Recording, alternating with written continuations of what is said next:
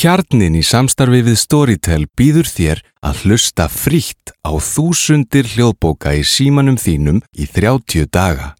Það eina sem þú þarft að gera er að skrá þig á storytel.is skástri kjarnin og byrja að njóta. Storytel.is Þúsundir hljóðbóka í símanum þínum.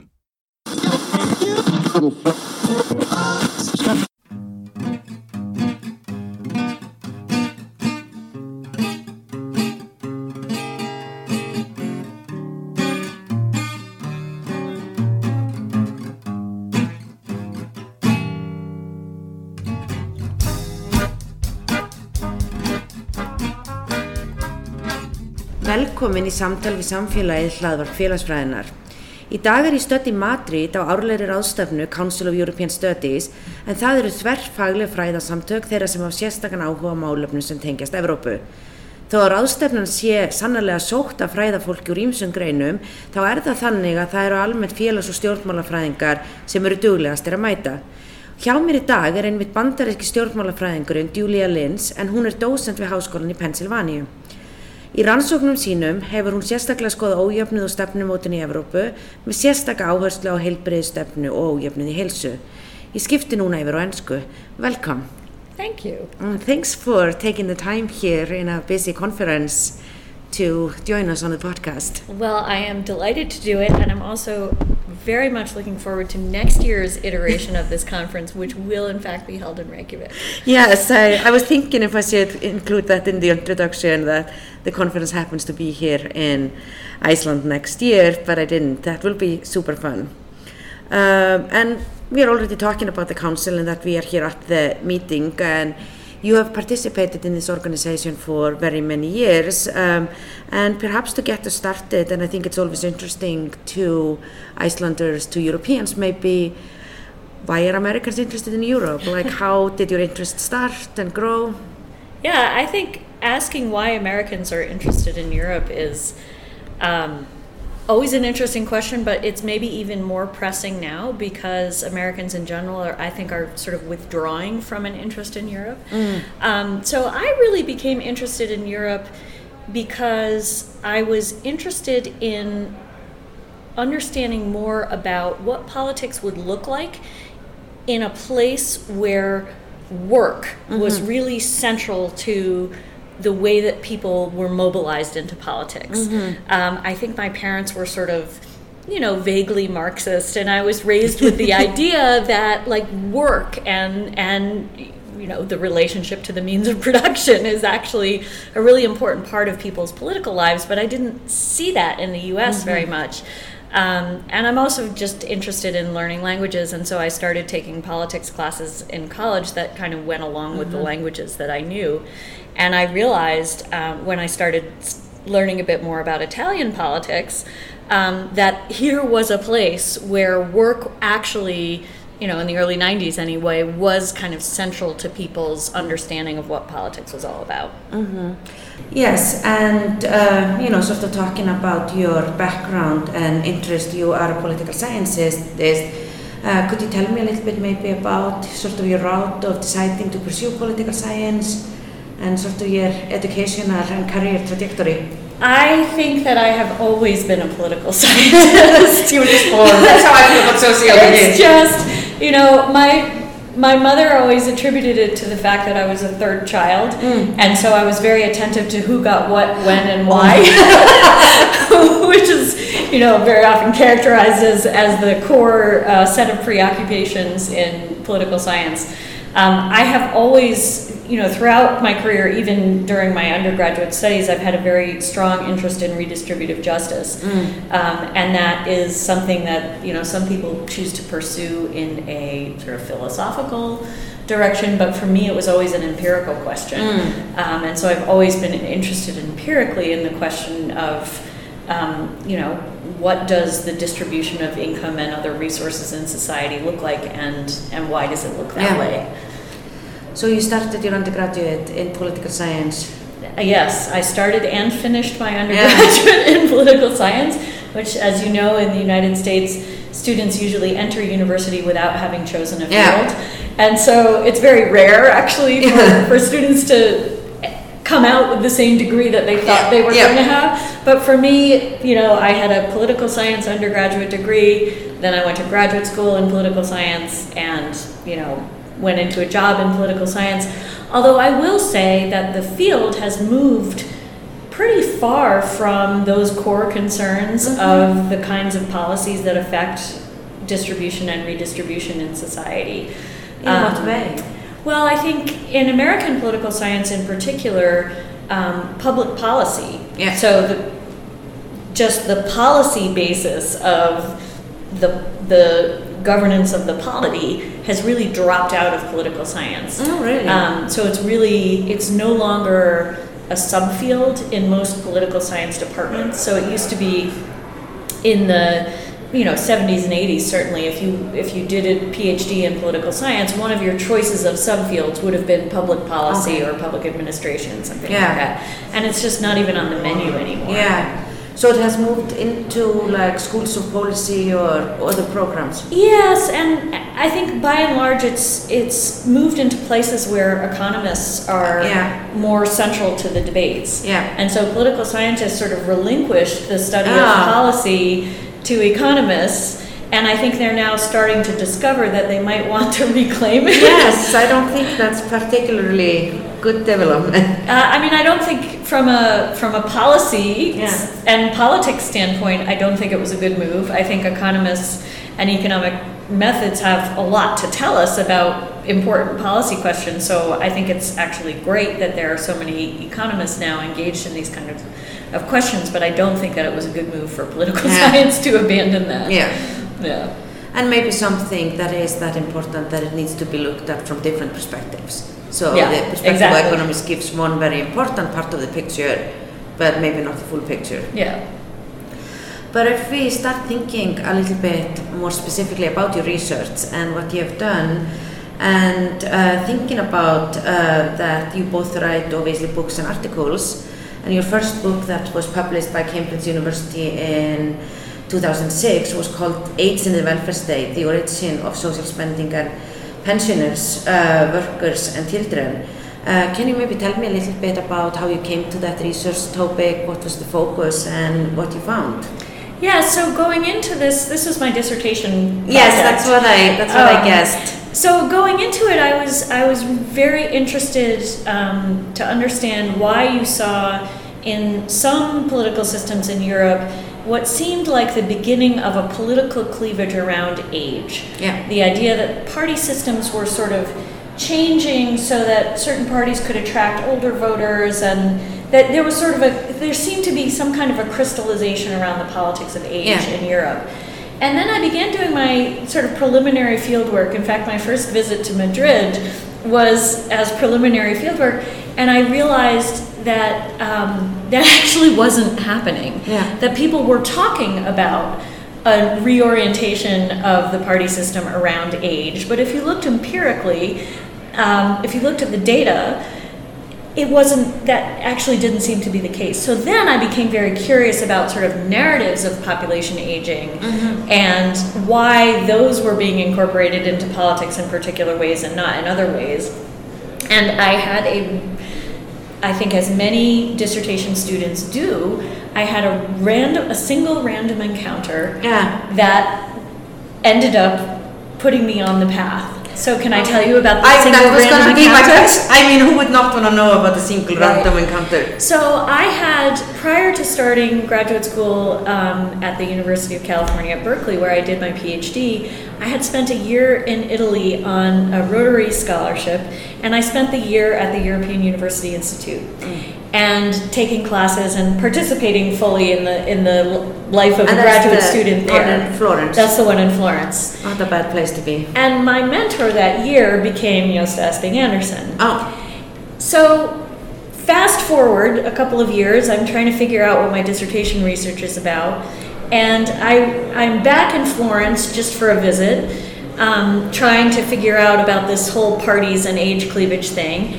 and I run into Gøsta in the parking lot, and I start explaining to him, oh, but this this isn't working out, and and I have this other series of questions about why do people talk about age as a problem in the way that they talk about it, and he said, you got to see this. and he pulled out a paper copy of the first ever iteration of the OECD social expenditure database. Mm. And, and he said, look, they're gathering these data and you can Yeah. actually see what they're spending on old Wow. people versus young people. And at that point, that was sort of the first intuition that led me to realize as I worked through those data that in fact some countries were spending much more on the elderly and others were putting much more welfare resources toward uh, working age people and children. Yeah. And so that was when I realized that that was what the puzzle was. And that became the puzzle Yeah. of the dissertation and the book. So. Uh, so you use the OECD data Mm-hmm. to look at this, um, and uh, you talk about this being the puzzle of the book. So what was the answer? So the answer to the puzzle, so in some ways I think the most interesting answer for thinking about it in terms of contemporary politics is that I found that the age orientation of social spending, so whether it's oriented towards elderly people or towards younger people, um, had very little to do with the political mobilization of the elderly in the current period. Yeah. And which was still to this day when I talk to people about this stuff, the the central assumption is what I call the greedy geezers narrative.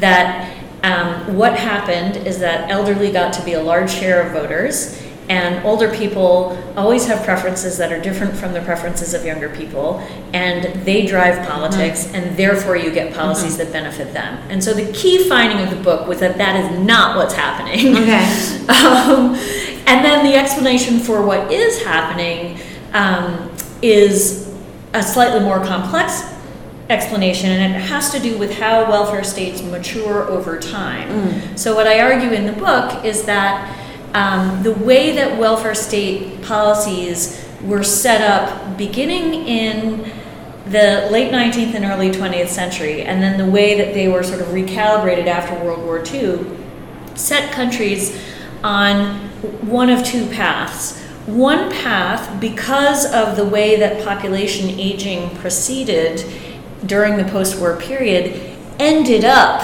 being leading to a more elderly oriented welfare state. Mm-hmm. And the other path ended up leading to a more youth oriented welfare state. But the critical policy decisions that were made in sort of the pre war and then the immediate post war period were made having nothing to do with age. Oh, yeah. And in fact, to the extent that there was any age basis at all, it was the reverse. Mm. The welfare states that eventually became elderly oriented were actually more youth oriented at the beginning and vice versa. Okay. And so what I really look at the look at in the book is the fact that you have a, a number of welfare states where population aging is driving what by the 1980s is clearly a sort of unhealthy balance in social expenditures mm-hmm. that it, there's simply not enough social investment there's not Yeah. enough money being invested in young people and policymakers recognize that this is happening but they seem powerless to stop it and so what i unpack in the book is Yeah. sort of how how clientelistic policies basically makes it im- the way that politicians compete for votes actually really constrains the policy options that they see as being available for dealing with this problem. And you talk about those two paths. Uh, could you maybe give us example of countries that would fall in sort of the elderly path and the younger path? Yeah. And of course, I mean, if you can tell us where you think Iceland Where fall. Iceland falls. um, well, so Iceland was not included in Yeah. the initial social expenditure data. So actually, What was the OECD thinking? Uh, What were they thinking? So I actually don't, I haven't looked at the Iceland data in any detail because it's been some time since I worked on this project. Um, but I can tell you uh, that it, generally speaking, the countries where you see clientelistic policy, politics, highly particularistic politics, where um, political competition occurs by politicians sort of competing to win particular segments of the electorate. These are the countries where you have elderly oriented social policy by the 1980s. And these countries are the United States, Italy, Japan, Austria, Belgium. These are countries that kind of don't fit three worlds of welfare Yeah. capitalism, really. Um, they're sort of the weird, mushy middle. um, and then the countries that have more youth oriented spending come in two categories. They come in the category of welfare states that don't really spend that much on anybody, Yeah. but they just happen to spend a little bit more on young people, um, and that would be countries like the UK and Ireland. And then, then there's a group of sort of the more typical sort of Nordic social democratic welfare states, um, but also including the Netherlands, mm-hmm. where they end up. Um, these are countries where real programmatic political competition mm-hmm. is occurring, where parties are making promises to voters on the basis of very large sections of the electorate. And so, if you make a social policy promise, it's going to be an expensive promise. Mm-hmm. And so you need to think about, you need to think hard about where that money is going and whether that's going to be sustainable over the long haul. And I found that that was what policymakers were doing in these countries is they were just thinking a little harder mm-hmm. about the future consequences. And I think it's interesting, and I mean, there have been few years since you did this work, Right. but this notion of that age is emerging as an important political cleavage because I think it has relevance for some of the things that are happening today in politics, including we can think about Brexit here, where they're saying, for instance, you know, basically that it's old people deciding that young people cannot be in the European Union. Yeah. So what is sort of your take on that? And do you think age has potentially become more important, I or I'm uncertain. or so just so unique in Britain? Just before this conference, I was at a workshop in Oxford where we were writing together with Clare Bambra and Aaron Reeves and Jane Gingrich and Scott Greer. We are co authoring a book on what health policymakers in Europe need to know about the politics of population aging. Mm-hmm. So, in preparation for that, I, I did a pretty thorough review of the literature as it's emerged since my book. Yeah. Um, and also, obviously, had contributions from all of these other people as well. And so we were really thinking very hard about this precise question for the for the last three days before I came here. And I think the conclusion that we reached is that um, there is evidence that in some contexts, age is becoming an important driver of um, party system change. These contexts are quite limited. Brexit is a real outlier. Yeah. Um, so normally, parties and unions are multi generational, cross generational um, organizations. Yeah. They're organizations that have long time horizons. That's precisely what institutionalized organizations are supposed to do in politics. And we don't often think about it as having an age dimension. We often think about it as having sort of a cross class dimension. This is why large encompassing unions with centralized bargaining are supposed to be good for generating universalistic welfare states. But this is true of parties as well. And so, in places where the party system is really just cracking to pieces for one reason or another, and in the UK it's because of Brexit, then I think you start to see these opportunities for free floating voters to possibly begin to mobilize around issues that aren't about age per se, but they have a strong age dimension. Mm-hmm. What we are not seeing is polities that are really being reorganized around an age cleavage. Mm-hmm. And by an age cleavage, I mean that older people vote disproportionately for a specific party, that they vote as old people, and that their needs as old people are um, are what politicians are responding to. So, yes, we are seeing flows of older voters into particular parties more strongly in Britain than in elsewhere, but it is happening in other places. Um, generally speaking, social democratic parties are aging. So younger younger voters who would have in the past voted uh, for social democrats are increasingly voting for green parties. Yeah. And so what you're left in the social democratic parties is often an older core, but they're not voting as old people. They're not mobilizing as old people. And by and large, the institutional apparatus within which they're being mobilized mm-hmm. isn't responding to them as mm-hmm. old people.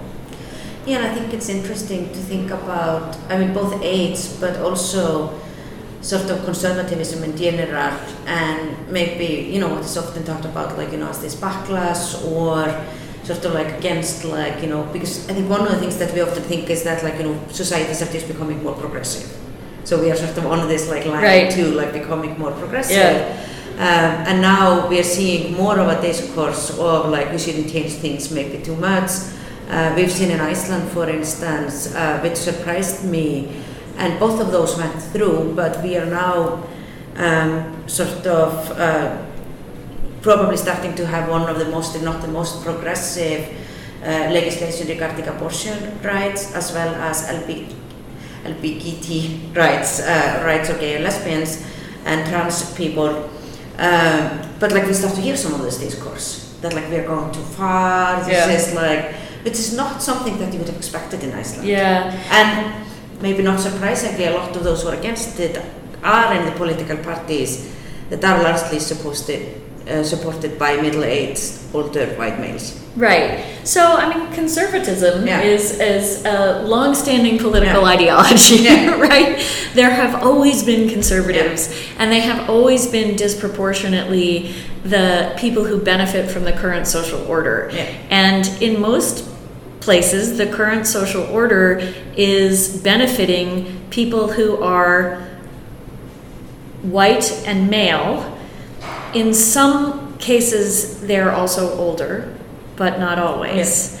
So I think what's interesting about the current moment is that as conservatism is sort of merging with populism on the right, you're getting a mobilization of older people who haven't necessarily benefited from the social order except by being white and male Yeah.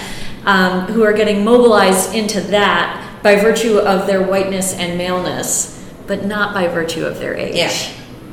Right? Yeah. And the other thing is that if you look cross nationally, there's some been some uh, new work just come out in this area. Um, actually, older voters are tend to be significantly more progressive on economic policy questions than younger voters do. Yeah.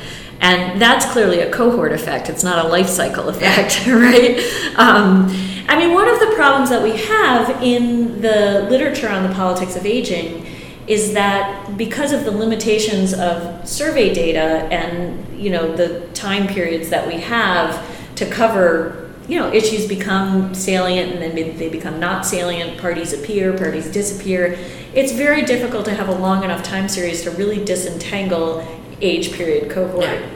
Right and so the kind of thing that sociologists and demographers can do we very often can't Yeah. so I think that a lot of the discussion around aging politics um, in Western Europe, particularly, is sort of confusing age and cohort, um, and that becomes particularly apparent. I mean, the way to unpack that is to look cross regionally. And so, if you look at Eastern Europe as well as Western Europe, and I'm not an expert on Eastern Europe, but just a little bit that I know about it, you know, the politics of aging looks very different there. Um, old people tend to be very poor. Yeah. and they've been socialized in a very different kind of political system, um, the sort of pre-transition political systems. Um, and then in addition to that, there's just been an exodus of young people, and so the demographics look really different. Um, and that's that's a period effect. Um, there's a cohort effect, which is strongly driven. You know, this their sort of sociological. Um, you know, inculcation into Yeah. politics is very strongly driven by this cohort effect, and then you have an age effect where they're they're poor because they're old Yeah. because pensions have been slashed, right? So you can start to untangle some of the some of the difference between age period and cohort by using some of these cross regional comparisons. No, and I think it is sort of interesting with many of those ideas, and maybe it's our tendency as humans. And I do think we live in exciting times. There are a lot of do. different things happening. but you often hear this like, oh, this has never been this bad. This has never been like, you know, this sort of like there's something new and Yeah. crazy emerging. Well, And- I mean, one thing that I think that anybody who's paying attention and who has a modicum of expertise in looking at parties and party systems cannot fail to notice is that party systems in Europe are collapsing. And so we keep looking for patterns to try to tell us what's going to happen next. And so Yeah. you see this, you know, huge like boom in people writing about populism yeah. which you know maybe rushing into it without actually really strong theoretical foundations Yeah. about what populism is and what it does and, and how it looks different from conservatism, et cetera, et cetera. But I think another one of the patterns that people are sort of drawn to is. Uh, well, you know, Brexit voters were older. you know? So it must be that these party systems are going to realign around age. I mean, I really think that at a fundamental level, we are just grasping at straws. That that what is happening right now is so beyond what we know how to understand that you know we're just trying to make sense of it in any way that we can. And I think because I've studied parties and party systems for a long time, and because I've studied the politics of aging over a relatively long period, um, I think I'm maybe more skeptical that that's the answer uh, than somebody who it, it might have just occurred to them. Yeah. right. No, and I mean, I think we certainly see that uh, in Iceland, and sorry for always bringing in Iceland. No, I'm glad I'm learning. Yeah, but I mean, for a very long time, we sort of had like a system where we would call about like the four parties, Mm-hmm. which basically like aligned in this way from like you know more conservative, the middle, towards the left, and uh, more to the left. Right. And um, and I mean, there would be new parties. They would usually not last more than one election. And you know, sort of a large proportion, 80 90 percent of the vote would go to those four parties. Yeah. And that has significantly changed, Wow. particularly since the economic collapse. Um, so I have a new project. Yes, yes. So uh, yeah, so I think in the last election we had like eight parties represented in Congress. Wow. So Jane Gingrich and I are working on a paper right now where we're really looking at the organizational basis of parties. What are the so we we call them integrative institutions, which is sort of the, the word that's been used in the literature on parties. These are things like these are brick and mortar phenomena. These are actual, you can go to them. um, it's a local party office in your neighborhood, Yeah. or it's a branch of the union in your neighborhood, or it's a parish hall um, where you're used to going not only to attend church services but to attend the social events. Um, it's an organization that's sponsored by you know the farmers association that helps you sign up for your pension. These are intermediating organizations. They're more specific than sort of social capital generally. They're really about mobilizing people into connections with parties. And they were very strong in many parts of europe up through the 1980s. And then you start to see secularization, so people aren't attending church and they're not hanging out in their churches as much. Um, you start to see the decline of unions, and um, parties become transformed from sort of mass organizations that rely on membership to more kind of media driven um, parties for whom their relationship with government is actually more important Yeah. than their relationship with, with voters. So we're, we are trying to understand if we map spatially the decline of these intermediating institutions over time, can we explain what's happening with party systems now? Yeah. So is the sort of is the shape of party systems to come in part determined by what is left of those old integrative mm-hmm. institutions because they're still there. Yeah. If you in fact if you go to South Philly, South Philadelphia, Yeah. um, which was for many years the home of a very large Italian American population, there are patronati, which are the these service arms of the Italian unions that help you get your pension and they help you with your taxes and this kind of stuff. They're they're in Philadelphia, right? they're still in Yeah. Philadelphia, and they are definitely still in Italy. Yeah. So we're looking, um, we're we're looking at Italy right now. It's a massive data collection endeavor, as you can imagine, finding out Yeah. where each one of these things is, and you know, geolocating it, and then matching that to voting Yeah. voting stuff. But um, I think Iceland could be a fascinating case if you've had this very strong kind of four-party constellation that's just now kind of breaking down. It would be so interesting Yeah. to know if those intermediating institutions are, you know, driving of it. that. And, and you know, we have it on tape, so you cannot go back. And um, sort of, and we've started to talk a little bit about Italy, but uh, in your work, I mean, you do often look at all of the European countries, Yeah. but you do have a specific focus on Southern Europe. And I think, you know, to many Icelanders, uh, politics there seem very different Yeah. than maybe in the Nordic countries, and we're not quite sure what's going on. So maybe, you know, sort of to the lay person, like how would you describe politics in uh, Southern Europe? Well, I think it depends on what period of time you're looking at. I mean, I think prior to, you know, up through the 1990s, really, politics in Southern Europe really was structured around um, a, a sort of traditional left right political cleavage that was very strongly about the rights of workers and. Um, you know, on the one hand, the rights of workers, and then on the other hand, sort of the sanctity of the church and the family and the fear of communism, Yeah. right? That in Southern Europe, because there were communist parties that that um, were important political actors, um, I think the fear of communism very much anchored the Yeah. right, um, and and workers' issues very much anchored the left, even the non-communist left. And so that was kind of that was really the main axis of, of political conflict. Um, and then obviously in Spain, you also have the regional dimension. In Italy, also a regional dimension with sort of north south divides coming into play in the 1990s. But predominantly a left right axis, which actually made politics really easy to understand. Um, now, post crisis, obviously things are really changing.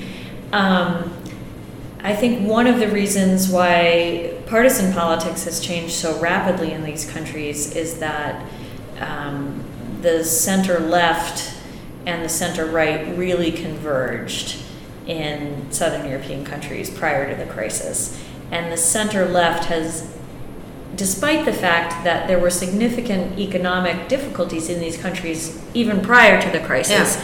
the center left really was struggling to find a way to speak to people's needs. Um, and then after the crisis, it's just you know become apparent that that there's a real vacuum. Um, I will say. Um, I mean, being in Spain this week, and I was also here several weeks ago picking up my son who was finishing a study abroad program in Spain. It's been a while. I haven't been to Spain since before the crisis. Um, and in fact, I really hadn't spent much time in Spain in the 2000s. And what really strikes me is how different Spain is from Italy. Spain, you know, if you try to take the metro somewhere in, in Madrid, you can take the metro Oh, good, good. and it runs every five minutes. And yes, there's probably more trash than you would see on the street in Germany. Um, but trash collection services are working. So I think what happened is that in Spain during the boom years before the crisis, they really invested in infrastructure. Yeah. And that's true outside of Madrid as well. You know, there are high speed train lines that, that have been built. And, you know, Spain came from behind and really invested massively. Um, and some people might say, well, they were, you know, using German money to invest, but they were investing. Italy, on the other hand, has been in permanent and severe economic crisis since 1992. And things no Yeah. longer work in Italy. Yeah. And so I would say that the lesson that I take from that is we got to get this stuff sorted out because Spain is fine now. Yeah. It had a buffer, it had a cushion. Um, but if this goes on for another 10 years, it's going to start to look more like the buses that don't show up in Rome and the garbage that's not being collected. Um, and, you know, obviously they're different countries, they have different cultures, they have different political cultures. But, you know, 20, 25 year period of economic stagnation is not good. No. It's not good for Yeah. governance, it's not good for people, it's not good for democracy, right? Like this is a bad Yeah. thing. And and I think Italy is reaping the rewards of that now. Yeah. And uh, sort of moving to another interest of yours, and how I first got to know you was that you've done a lot of work on health and health inequalities, including that you have a book coming out this year, which I maybe do. is already out or It's in the press's hands. Ah. When they see fit to release it. I don't know, but they have promised January of 2020. Okay, uh, I will wait excitedly. so the book is called Regimes of Inequality, the Political Economy of Health and Wealth. Um, so maybe if you tell me how you got to that research project and yeah, I don't know how much you want to share, as you want all of us to buy the book. I do. Give us like you know, a little bit of a teaser so we all go and try it. Well, I think when you tell you about the book, when I tell you about the book, you're going to be so excited that you're just going to want to go out and buy it. um, I am still excited by the book, which is something considering that, you know, it Yes. was a lot of work. And, Yes. and I'm also happy to be done with it, but I'm still excited about it. And the reason that I'm excited about it is sort of multiple. So, what I do in the book is I examine the politics of policymaking around the problem of health inequalities, so, so socioeconomic inequalities in health within countries in Western Europe. And I do that as a way of trying to understand something broader about the politics of inequality under late capitalism.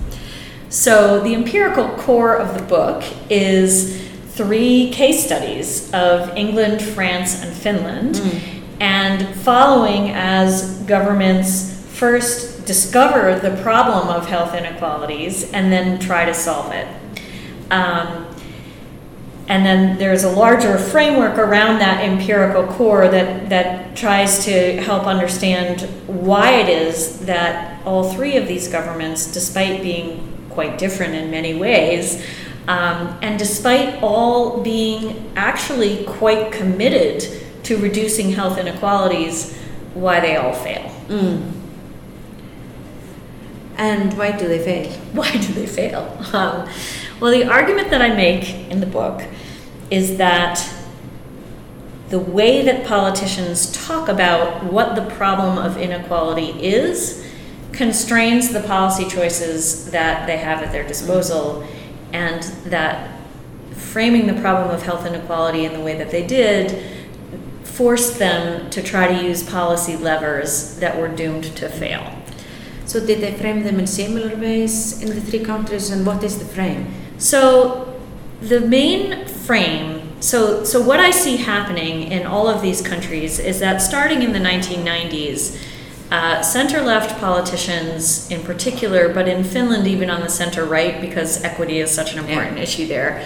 Um, these politicians are confronted with the, the contrast between the post war welfare regimes that they've kind of grown up with and which serve to contain inequality within reasonable bounds in a particular way, that coming into conflict with what we can loosely call neoliberalism, Yeah. right? A new set of ideas about the relationship between the state and the market, a new set of policies um, that are sort of being pushed by international actors and by financial markets as you know the right thing to do to govern your economy, and a new set of actors who are really empowered by by these new ideas and policies. So there's a conflict between the old welfare regimes and the, the sort of rising neoliberalism. And politicians on the center left say, oh my God, what are we going to do? Um, we want to be for a more equitable society because we're the center left. Like, Yeah. That's what we do, you know? That's your whole reason to exist. Right? But at the same time, we're really worried about these rising middle class voters who we've been told don't like to pay taxes. We're worried about international financial markets. We're worried about what the newspapers will say. Um, they're really worried. And in particular, what they're worried about is talking about whatever the core way of reducing inequality that was dominant in their post-war welfare regime. Mm. So if they're in a liberal welfare regime, they're really worried about talking about taxation and redistribution because that's really the central method that liberal welfare regimes have for for c- containing inequality. They don't have big institutions that can kind of redistribute mm-hmm. institutionally. They have to get elected and they have to vote to tax and redistribute. So in the UK, Labour politicians decide that they can no longer talk about redistribution. It's a taboo. They use this word of the taboo. And so instead, wanting to be for equality, but not allowing themselves to talk about redistribution mm. and taxation, they say, oh, health inequality. Ah. Now that's a very interesting idea. Um, we can talk about equity and being for equity in a way that doesn't require us to talk about redistribution. Yeah. Because they understand just enough of the social determinants of health model to understand that there's all this sort of midstream and downstream stuff that they can do to reduce health inequalities. And they don't understand it really well enough to get the idea of fundamental causation, yeah. right? They don't understand that at the bottom of the river, the production function for health and the production yeah. function for income are the same. Yeah. Um, so they in in the UK they reframe the issue of inequality as a whole from being an issue of the maldistribution of resources in society, which can be remediated through taxation and redistribution. They reframe it as actually a problem of health inequalities. Mm and the policy apparatus that goes along with that is joined up government, cross sectoral policy making, uh, multi level governance, this really complicated, really hard to do stuff, which the Labor government, God bless them, they tried. They really tried. And they, they had some successes. They were able to reduce geographic inequalities in infant mortality, for example. But at the end of the day, it just didn't work. Yeah. And they knew that it wouldn't work because they had tried to do the same thing with social services in the 1970s, and it didn't work then either. But they just couldn't bear to talk about redistribution. Mm. So that's sort of that's the English story to yeah. kind of give you give you a taste. Yeah. Um, and the issues were slightly different in France and, and Finland. In France, the big issue was public spending. In Finland, it was regulation of internal markets for mm. products and services that that become taboo, um, and and policymakers sort of try to address inequality through the lens of health inequalities to get around yeah. these taboos, and it always ends up in the same way. Well, I think it's interesting too. In your title, you talk about wealth, and I think that's also one of the things that is becoming more and more on the agenda, yeah. both for the population as well as sociologists and political scientists is, I mean, of course, we can concern, be concerned about income inequality. Right. But what we are increasingly seeing is this, well, I guess, extreme accumulation exactly. of wealth. And wealth, obviously, is transferable across generations. Exactly. Uh, so you're seeing, and I mean, you know, we know all of those debates about the 1% and how they're mm. getting, mm. uh, you know, ever getting a larger and larger share. Uh, yeah. It's so I don't actually look at, at wealth data per se yeah. in this project. In a way, wealth is in the title just because it rhymes with health. Um, but it is actually really important because these policies, um, many of the policies that are put in place during this period, really facilitate the accumulation yeah. of wealth, including by center left governments. Mm. You know, the Finnish government redoes its tax system under the Social Democrats after the crisis. Yeah and, you know, yes, they slash social benefits, but that's sort of temporary, right? What really hurt was the changes to the tax system that allowed for much more significant accumulation of capital wealth. Yeah. Um, so I think, and in, in the UK as well, the, the presence of the top 1% and the presence of a real accumulation of wealth at the very high end of the income distribution really makes a difference for the politics of inequality. It's not this is not the politics of poverty, mm. right? Governments thought that they could solve the problem of health inequalities by solving the problem of the association between poverty yeah. and illness. But and it doesn't work. It doesn't we work that way. We've been able to tell them for several decades, and right. I think obviously we are always yeah. going more and more. Yeah. Um, I mean, but if I can just say one more thing yeah. about this, I mean, one of the very interesting things for me about writing this book was really getting to know the what I call the European um, public health field. Yeah.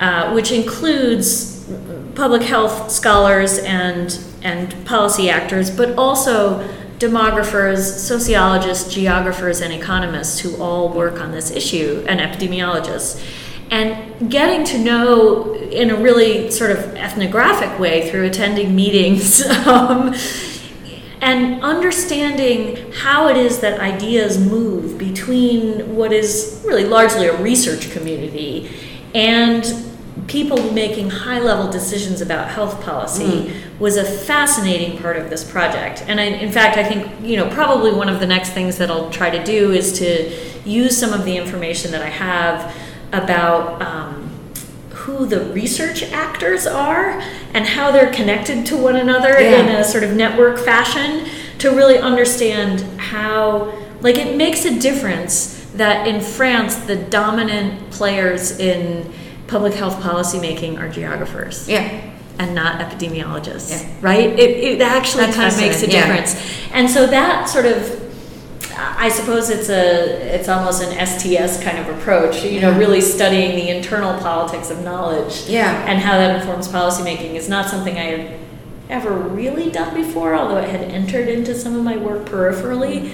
Um, but I've been really fascinated by that, and I hope to do more with that. Mm-hmm. And I think too, maybe conclude, and we've talked a lot about Europe, uh, but I don't think that I can let you go as an American political scientist, uh, except like, you know, you tell us a little bit about what's going on in your country, because I think Icelanders are, I don't know, what is the word, fascinated, scared by the development in the US. So, sort of, and it's not obviously like your area of research, but, you know, as an American observer and political scientist, um, how would you sort of describe American politics at the moment? And I think obviously what is particularly uh, interesting is what is likely to happen with the Democratic nominations, Yeah. who's going to run against Trump, and what are his prospects of re-election? Well, I will say that I think that what is going on in the US is remarkably similar to what is going on in much of Europe. Mm. The, the sort of destructuration of the party system is happening in a remarkably similar way, given the differences in the electoral system. Obviously, it, it, it sort of Yeah. looks a little different on the looks a little different on the surface, but the underlying forces I think are very, very similar. They go back to the same sort of critical period in the 1990s when the Democratic Party in the United States moved very much to the center and, um, you know, began to enact a series of sort of, you know, social investment, sort of a technocratic uh, policy making agenda as a way of avoiding talking about fundamental issues of redistribution. Yeah. It's the same story. Yeah. And the results are the same. Yeah. So I think, you know, Trump obviously is a tremendously scary guy. If he were more competent, he would be even scarier. Yeah. But but the scariest thing of all is the underlying trend, um, which is that the Republican Party has taken the opportunity of the collapse of the Democratic Party's coalition to move way far to the right. Yeah.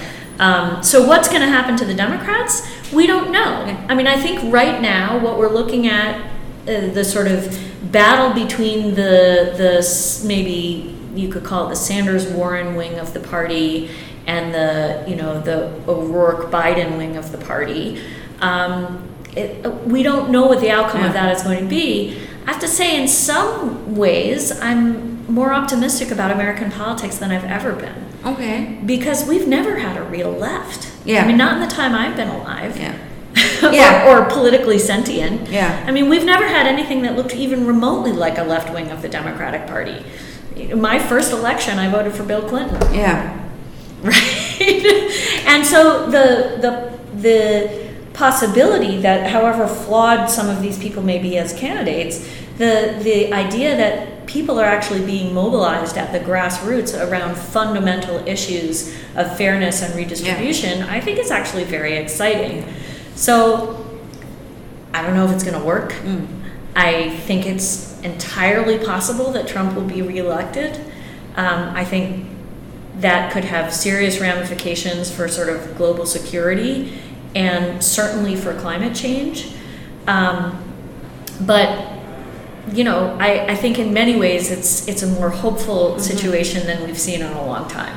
Well, I mean, it is very interesting because when I moved to the US, I mean, it was really, you know, sort of weird to see that many of the things that I took for granted as just the way the world works, They including universal health, not that they exist, like universal health care, equality, some of those. I mean, they didn't exist, but um, you couldn't even talk about them. Right. Like they were just like, like oh my god, these horrible, horrible healthcare systems of Europe and socialists and waiting, and you're just like, I don't know what you're talking about. And now you see it very much being a part of the mainstream discourse that Yeah. like it's possible to talk about those things, it's possible to fight for those things. Yes, it is. And unfortunately, I think American politicians are sort of out of practice. Um, and so part of what we're seeing is sort of uh, in the Democratic Party is is people just need to kind of relearn how to talk about these issues Yeah. in politics. And I think the debate that you see in the newspapers about, oh, you know, is identity politics too dangerous for the party? Should we stay away from it? Should we only talk about economic issues or should we only talk about identity? You know, this is a really live conversation that people are having about, oh, yeah, how does it work to have a party that actually cares about justice? Yeah. That's a new thing. That's a new thing. But I think that, and that's um, a nice way to end the podcast. I think we are very excited here about many things. Uh, we are very excited to read your book that is coming out, and we'll be waiting for that. And we are very excited to welcome you in Iceland in just about a year for the Council of European Studies meeting. And we do have it recorded that, like, you know, you're gonna add Iceland to your project. I will find you some political scientist or someone to, like, you know, Excellent. Iceland involved. And well, thank you so much. Yeah, thank you. It's been a pleasure. Kjarnin í samstarfi við Storytel býður þér að hlusta frítt á þúsundir hljóðbóka í símanum þínum í 30 daga. Það eina sem þú þarft að gera er að skrá þig á storytel.is skástri kjarnin og byrja að njóta. Storytel.is Þúsundir hljóðbóka í símanum þínum.